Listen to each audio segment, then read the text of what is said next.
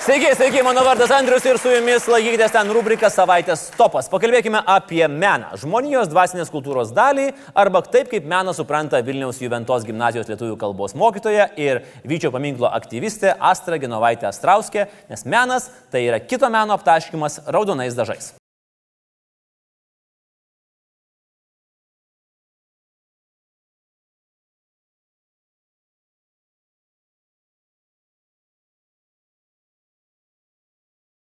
Ir čia mes matėme meninį performance. Man ypač patiko tas po aptaškimų sekęs greitas pasišalinimas iš meno vietos. Todėl norėdami geriau susigaudyti meno pasaulyje ir siekdami įkvėpti mokytojus ateities performansams, pristatome jums top 7 politinius performansus.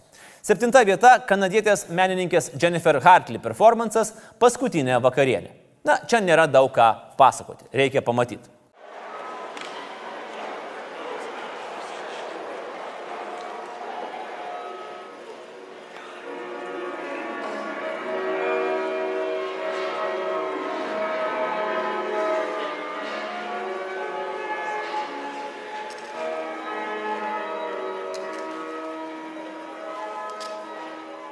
Nebijokit, pasirodymo metu niekas nebuvo sužeistas. Šis performances jau turi surinkęs virš 20 milijonų peržiūrų YouTube ir šimtus komentarų, ką aš čia po Vilnių ką tik pasižiūrėjau.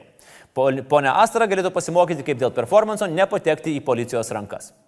Šeštos vietos herojui Piotrui Pavlenskijui išsisukti nuo policijos nepavyko, kai jis 13 metų lapkritį norėdamas atkreipti dėmesį į korupciją Rusijos valdžioje, Maskvos raudonojoje aikštėje prisikalė savo kiaušinius prie žemės. Уважаемый, встаем.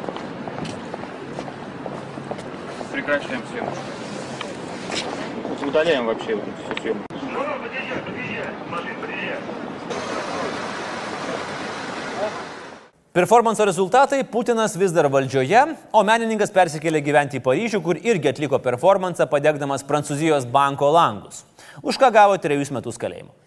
Penkta vieta yra jungtinis Zuokų ir Vilniaus administracijos direktoriaus Poderskio Fluxus performances Kieno Vilniuje meko dėžės. Zuokas kaip tikras YouTuberis padarė dėžių išpakavimo vakarėlį su vynu, o Zokienė kreipėsi į prokuratūrą. Dėžėse dar buvo rasta ir filmų suaugusiems, apie kuriuos man žino pasakojo pusbrolis, aš pats tai nežinau. Matau, šitai cenzų reikės. Ne. O jo, čia nuo 28.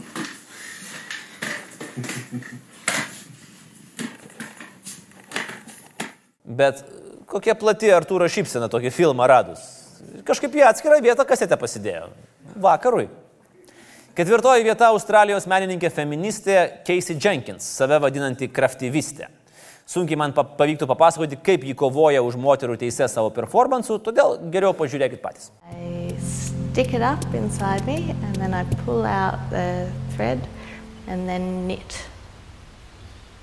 It's unusual and it's confining because I'm attached to this knitting, so I can't sort of get off and wander around, and so it really it's restrictive. But no, no, it's not painful. I mean, people push babies out of there, so it's kind of it's a pretty robust area. Ir va taip įmesgė 28 dienas. Pamoka galėtų būti tokia, kad kai kurie performansai yra ir šokiruojantis, ir pasirūpin- pasirūpinantis, kad tu žiemą turėtum šaliką. Ir vis tiek, žinoma, ne tas pats, kaip tas, kuris prisikalė save rūdinoje aikštėje prie grindinio. Trečioji vietoje performances Lietuvoje pavadinimu Po kudirka arba Patriarchas paliepus mums panorėjus, kai burelis feminiščių kudirkos aikštės požeminėme parkinge atliko tautišką giesmę su interpretuotu tekstu.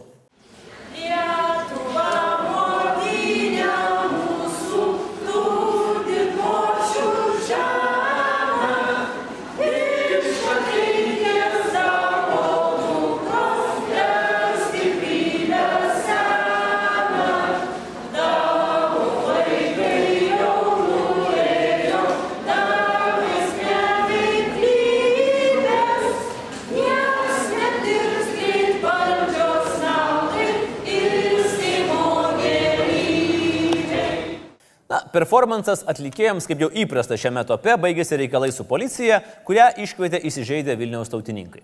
Bet niekas nieko į kalėjimus nesodino, ačiū Dievui, ne ta šalis. Kitas performances irgi susijęs su tautiška giesme - Seimo nario Mykolo Majausko himno gėdojimas prie šiukšlių konteinerių.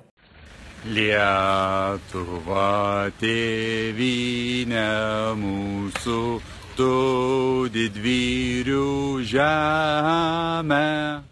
Skirtingai negu feministėms, performances po Majauskų baigėsi reikalais ne su teisės sauga, o su mytių skandalu. Antras prancūzijos menininkas Abramas Pončiavalis tris savaitės praleidęs perėdamas dešimt vištos kiaušinių. Taip, čia menas ir jam pavyko. Viščiukai išsirito. Tik kai viščiukas pradėjo kaltis iš kiauto, teko nulipti, nes prancūzas vis dėlto yra čiut sunkesnis už vištą. Hatching eggs can be a difficult process, especially if you're not a bird, but that's not putting off French performance artist Abram Poincheval. He's attempting it and reckons it'll take him from 21 to 26 days. Ir taip jie gyvena akmenyje ir meškos iškamšoje. Tai jiems pradeda priartėti prie gamtos ir akmenų.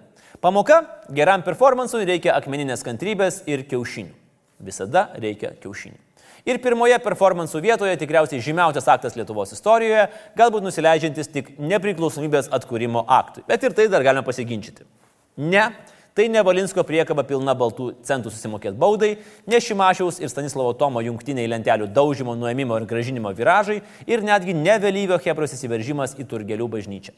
Pats įsimintiniausias aktas - 2002 metais televizijos šou Akvariumas 2 įvykęs psicho ir raudonos meilės performances.